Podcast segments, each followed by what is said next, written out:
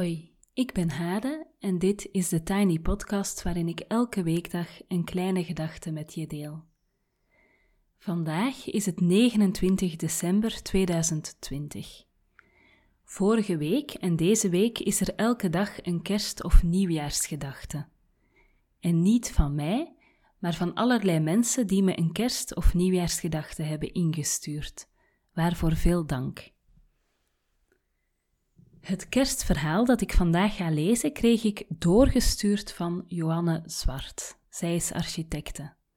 Haar man, Rico Voorberg, schreef het verhaal. Ik vertelde gisteren al iets over hem toen ik een kerstverhaal van hem mocht inspreken. Maar vandaag nog eens. Rico is theoloog en de oprichter van de Pop-up Kerk. Ik zag hem voor het eerst op een event waar hij blakend van authenticiteit een hele zaal meenam in zijn verhaal. Later mocht ik hem ontmoeten. We aten taart samen en spraken over zijn en mijn werk en waar ze elkaar eventueel konden raken. Rico heeft een dagelijkse podcast, Lazarus staat op. En dat heeft mij natuurlijk enorm geïnspireerd om zelf mijn tiny podcast te starten. De veelzijdigheid van het talent van Rico is me echt een mysterie. Ik vind hem heel. Ja, hij staat er, hij heeft een heel mooie energie. Ehm, hij is heel kundig met taal. Hij is heel creatief, dus heel bijzonder. Ehm, en dat talent is dus zowel terug te zien in kunstinstallaties als in geëngageerde acties, zoals de actie We gaan ze halen, waarbij een vliegtuig naar Lesbos werd gezonden om vluchtelingen op te halen in, uit Moria. En terwijl ik dit aan het zeggen ben, en dat staat dan natuurlijk niet in mijn voorgeschreven tekst, denk ik dat misschien een van de grootste uh, talenten van Rico is uh, om mensen te verbinden en te inspireren. Vandaag mag ik nog een kerstverhaal van hem inspreken. En dat is er één wat zich dichter bij huis afspeelt dan het verhaal van gisteren. Luister maar. Kerstverhaal door Rico Voorberg. Geschreven in 2017. Het is half november 2011 in Emmeloord. In zijn studeerkamer zit een dominee in alle rust te schrijven. Het is mijn vader. De telefoon gaat. Met Voorberg, goedemiddag. Het is de evangelische boekhandel. Er is hier een Roemeense man met zijn vrouw. Ze zeggen dat ze christen zijn en een dominee willen spreken. Natuurlijk welkom. Als twintig minuten later een rammelende Volvo onder het stof voor de deur parkeert, met twee haveloze mensen en een baby, beseft mijn vader dat dit geen standaard pastoraal gesprek wordt. Hij belt mijn moeder of ze snel thuis wil komen. Als zij is gearriveerd, stuurt ze het haveloze gezinnetje eerst naar de badkamer om zich te wassen, dan naar bed voor een nacht slaap. Pas de volgende dag horen de dominee en zijn vrouw het verhaal. Ze zijn weken geleden uit Roemenië vertrokken, uit een armoedig dorpje op de grens van Servië. Ze kregen een auto mee van een oom en willen in Nederland komen werken. Ze hebben een huurschuld van omgerekend 1400 euro en zouden met hun kinderen op straat worden gezet. En op straat in hun dorp betekent letterlijk en figuurlijk in de goot. Nergens kregen ze hulp in de steden in Nederland. Ze kampeerden in hun auto en besloten hun geluk in de polder te beproeven. Iemand dacht dat de kerk hen zou kunnen helpen en verwees hen naar de evangelische boekhandel. Dominee en vrouw kijken, overleggen even en brengen het slechte nieuws. Zonder werkvisum geen kansen in Nederland. Er staan hoge boetes op illegale arbeid. Ze denken wat nu?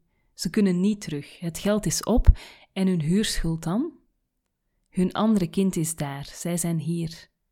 Hete tranen in een Emmeloordse pastorie in de winter van 2011. Zondag na de dienst vraagt de dominee iedereen om nog even te gaan zitten. Hij vertelt het verhaal van de Roemenen, nodigt ze op het podium. Zij vult het verhaal aan in gebroken Engels. De dominee, dominee leest nog een subtiel stukje uit de Bijbel. Als uw geloof niet uit uw daden blijkt, is het dood. Dan vraagt hij iedereen om 1 euro.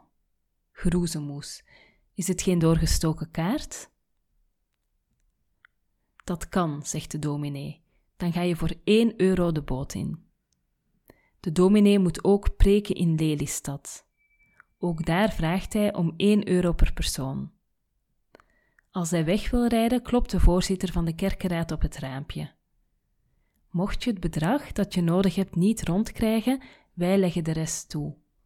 De dominee krijgt vochtige ogen, kucht, klopt de ouderling houterig op zijn hand en bromt: Beste man, beste kerel, goed. Thuisgekomen treft hij een zooi aan. Overal staan zakken en tassen, en als de dominee ergens een hekel aan heeft. Er wordt gebeld, weer iemand met zakken en tassen. Alsjeblieft. Voor wat? Voor de Roemenen. De een na de ander komt kleren brengen en houdbaar eten. Binnen zit het gezinnetje de inhoud van de tassen te bekijken. Er zitten nog net geen gedichtjes bij, maar verder is het Sinterklaas. Of liever, zegt de dominesvrouw licht bestraffend, een feestje voor een andere heilige die ooit geboren werd in een stal. Drie door het leven wijs geworden mensen uit het oosten met als geschenken een huurschuld, een lege maag en een lege tank. Een gemeentelid kijkt de oude Volvo nog even na. Zo kan je die terugtocht niet, terugtocht niet beginnen, moppert hij. De auto is volgepropt, tussen de zakken en tassen zit een stralend Roemeens stelletje met een baby. Wat gaan jullie thuis zeggen over Nederland? vraagt Ma. We will tell our village of the miracles of God that we've seen. En dan vertrekt het stel. Sindsdien is er niets meer van hen vernomen. In Emmeloord heerst een beetje vrede. Er kwamen drie door het leven wijs geworden mensen uit het oosten van Europa. Als geschenken brachten ze een huurschuld, een lege maag en een lege tank mee. Het lichaam van Christus ter plaatse nam de geschenken dankbaar aan. En boven de niet meer ploffende Volvo, die diep door zijn veren zakkend terugreed naar Roemenië, klonk het zachtjes: Ere zij God in de hemel en vrede op aarde bij de mensen des welbehagens.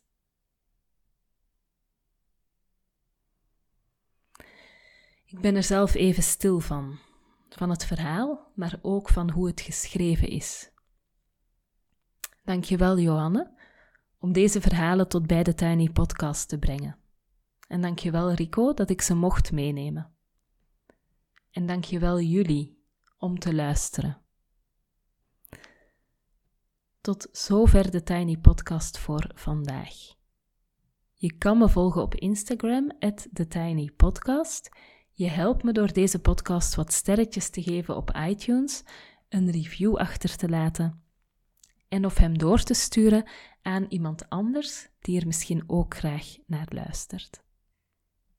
Tot morgen.